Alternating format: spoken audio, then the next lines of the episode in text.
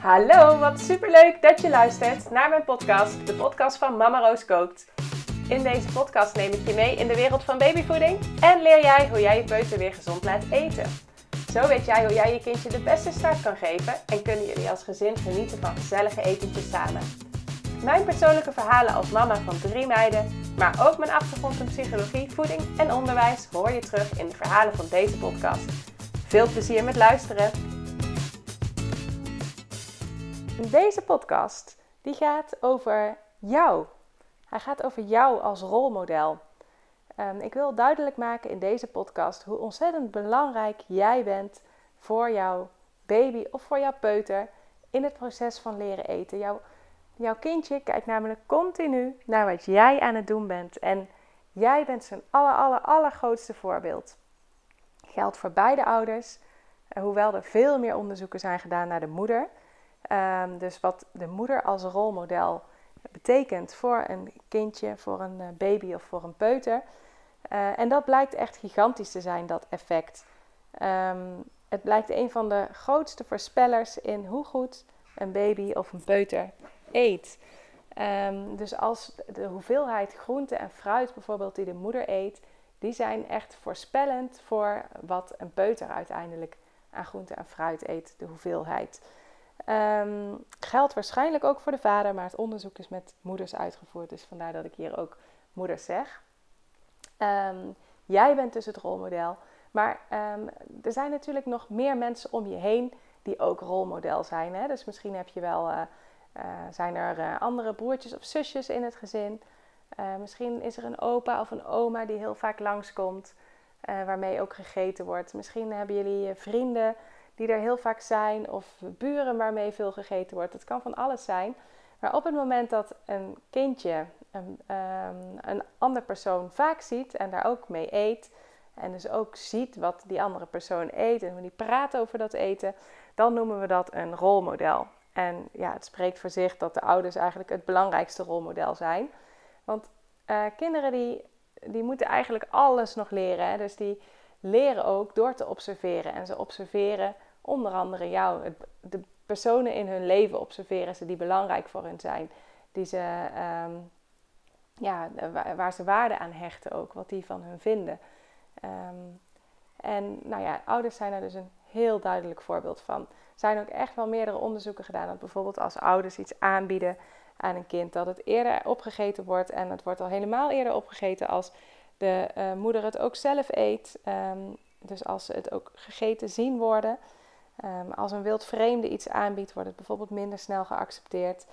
Um, wordt het minder snel gegeten, maar ook minder snel geaccepteerd. Dus dan wordt het ook minder lekker gevonden.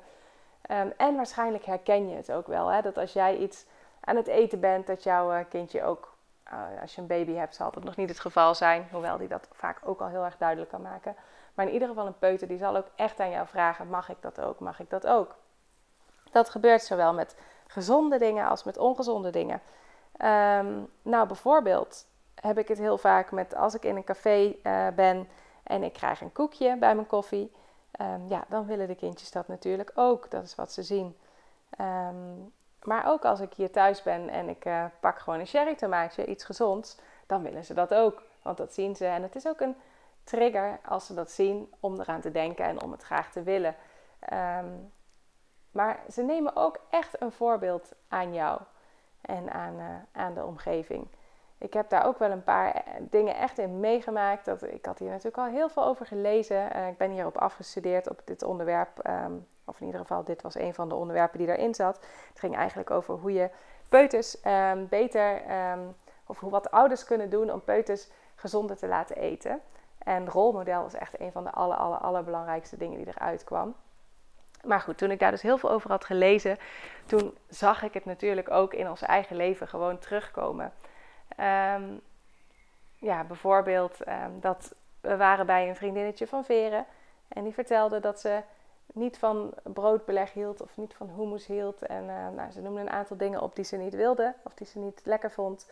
En ja, Veren kwam thuis en die vond het ineens ook niet meer lekker. Terwijl ze dat altijd fantastisch had gevonden en dat graag op de boterham at. Maar ineens Um, omdat dus iemand die zij belangrijk vindt, wat zij een leuk persoon vindt, als die dan zegt van ik hoef dat niet, ik doe dat niet, ja, dan is dat voor haar ook ineens een reden om nee te zeggen. Ehm, en zo geldt het natuurlijk uh, bij ons ook. Dus ze zijn elkaar de hele tijd aan het nadoen. We gebruiken het soms ook wel, dit principe. Omdat het dus ook met broertjes en zusjes werkt. Die zijn ook rolmodellen voor elkaar. Um, soms dan zegt Vere, als wij iets gaan eten, zegt ze: Nee, ik wil het niet. En dan roept Sterre ook meteen: Ik wil het niet. Want Sterre die kijkt altijd naar Vere. En die doet altijd wat Vere doet. En Vere die is zich daar ook wel bewust van. Maar wij zetten Vere dan ook in. Dan zeg ik uh, stiekem tegen Vere: Vere, als jij nou eventjes uh, zegt dat jij het wel wil, dan wil Sterre het ook. Zullen we het eens uitproberen? En ja, dat vindt Vere dan alweer een leuk genoeg reden om het te doen. Dus Vere zegt: Ik wil het wel. En Sterre roept ook meteen: Ik wil het ook. Um, en Vere begint het dan toch lekker op te eten. En Sterre die doet het meteen na. Dus je ziet het ook gewoon uh, op die manier echt gebeuren. En dat vind ik uh, fantastisch om te zien. Maar goed, um, jij bent dus super belangrijk voor wat je baby en je peuter, wat die eet. En wat die leert wat normaal is om te eten. Dus die kijkt de hele tijd. Wat is normaal om in je mond te stoppen? Die is eigenlijk zijn normen en zijn waarden aan het vormen rondom eten. Trouwens, niet alleen rondom eten. Gewoon echt uh, voor de hele wereld. Maar deze podcast gaat over eten. Dus vandaar dat ik het zo benoem. Um, maar um, die normen en waarden die zijn heel belangrijk voor hoe jouw kind straks later in het leven eet. Die normen en waarden worden nu voor een groot deel aangelegd. En die worden dus gemaakt naar aanleiding van wat jouw baby of jouw peuter observeert bij jou. Ik zei net wel, je, je, sorry, je baby kan uh, nog niet vragen hè, van mag ik dat ook. Maar um, Rosa die is op het moment negen maanden. En die kan mij wel ontzettend goed duidelijk maken dat ze iets wil. Zij heeft vaak een eigen hapje of een eigen bordje als we aan het eten zijn. Uh, ze krijgt vaak uh, wat gepureerd, wat ik dan zelf heb gemaakt. Dat is waar ze mee begint. Dat eet ze vaak nog voordat wij eten. En dan ga, daarna gaat ze samen met ons aan tafel. En dan krijgt zij eigenlijk ongeveer hetzelfde als wat wij eten. Alleen ik heb dat dan in een apart pannetje vaak even gekookt, zodat er helemaal geen zout en zo uh, bij zit. En dat het allemaal wat verder gekookt is. Dus ze mag dan stukjes eten. Dus ze heeft dan bijvoorbeeld een stukje bloemkool. Maar die is dus gekookt zonder zout. En die is wat verder doorgekookt dan hoe wij het eten, zodat die lekker zacht is. En dat dat uh, makkelijk voor haar is. Maar de laatste tijd wil ze eigenlijk al helemaal niet eens meer echt haar eigen dingetjes. In het begin was ze er mega blij mee dat ze stukjes kreeg. En was ze helemaal in de nopjes en allemaal aan het uitproberen. En uh, ja, gewoon heel blij. En nu zit ze eigenlijk alleen nog maar naar mijn bord te kijken. En ze maakt zo duidelijk dat ze wil wat ik heb. En eigenlijk ziet het er bijna hetzelfde uit. Het is niet dat ik hele andere producten heb. Alleen zit er bij mij bijvoorbeeld dan wat saus op. Of zit het allemaal wat meer door elkaar. Um, en volgens mij maakt dat nog niet eens zoveel uit. Maar als ik, het, als ik haar producten op mijn bord leg en weer aan haar geef, is het vaak ook alweer goed. Ze wil gewoon wat ik heb. Ze wil met mij mee eten. Dus dat vind ik ook wel heel bijzonder. Um, maar dit principe van rolmodel kan natuurlijk soms ook best een beetje confronterend zijn. Um, want eigenlijk is nu dus mijn vraag aan jou: hoe gezond eet jij en hoe kijk jij naar eten? Hoe ga jij met eten om? Um, want ja, daar leert jouw kind dus ook ontzettend veel van. Dus ga eens eventjes heel erg um, ja, eerlijk naar jezelf kijken. Van wat laat ik allemaal zien in mijn eetgedrag? Dus je zou bijvoorbeeld dus een hele dag bij kunnen houden wat je allemaal eet en waar dan ook jouw kindje bij was. En daarna zou je plusjes en minnetjes kunnen zetten achter de dingen die jij hebt gegeten en gedronken ook trouwens. En um, met plusjes en minnetjes aangeven, vind je dit nou een goed voorbeeld of niet? Dus bijvoorbeeld je hebt een uh, peer gepakt. Uh, je had een peer om tien uur s morgens als fruit tussendoortje. Nou, daar kun je een plusje bij zetten. Ja, dat vind je een goed voorbeeld. maar misschien heb je op een terrasje een cola gedronken.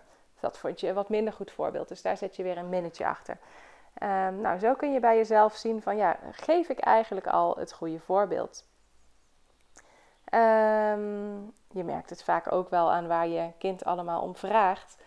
Maar het is toch mooi om dat eens even goed bij jezelf uh, te bekijken. En als je nou ziet bij jezelf van ik heb een minnetje, nou dat vind ik niet zo erg misschien. Maar misschien heb je wel uh, drie of vier minnetjes of uh, dingen dus waar je eigenlijk toch niet zo tevreden over bent dat je dat als voorbeeld doorgeeft aan je kind. Ja, dan zou je dus daar heel gericht aan kunnen werken. Je kunt ook met jezelf afspreken. Ik doe overdag dus gewoon super gezond. En ik mag natuurlijk best wel eens een keertje iets wat niet gezond is. Laten we zeggen een stukje chocola of een handje chips. Ehm, ja, dat mag best wel eens een keer, maar dat doe je dan bijvoorbeeld als je kind in bed ligt. Zodat hij dat niet als voorbeeld ziet. Of die cola op het terras die ik net als voorbeeld noemde.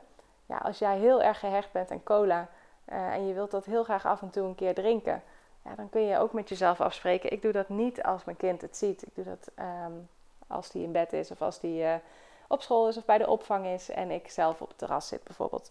Dat kan ook. Ik raad je trouwens sowieso aan uh, met frisdrank om het niet te doen.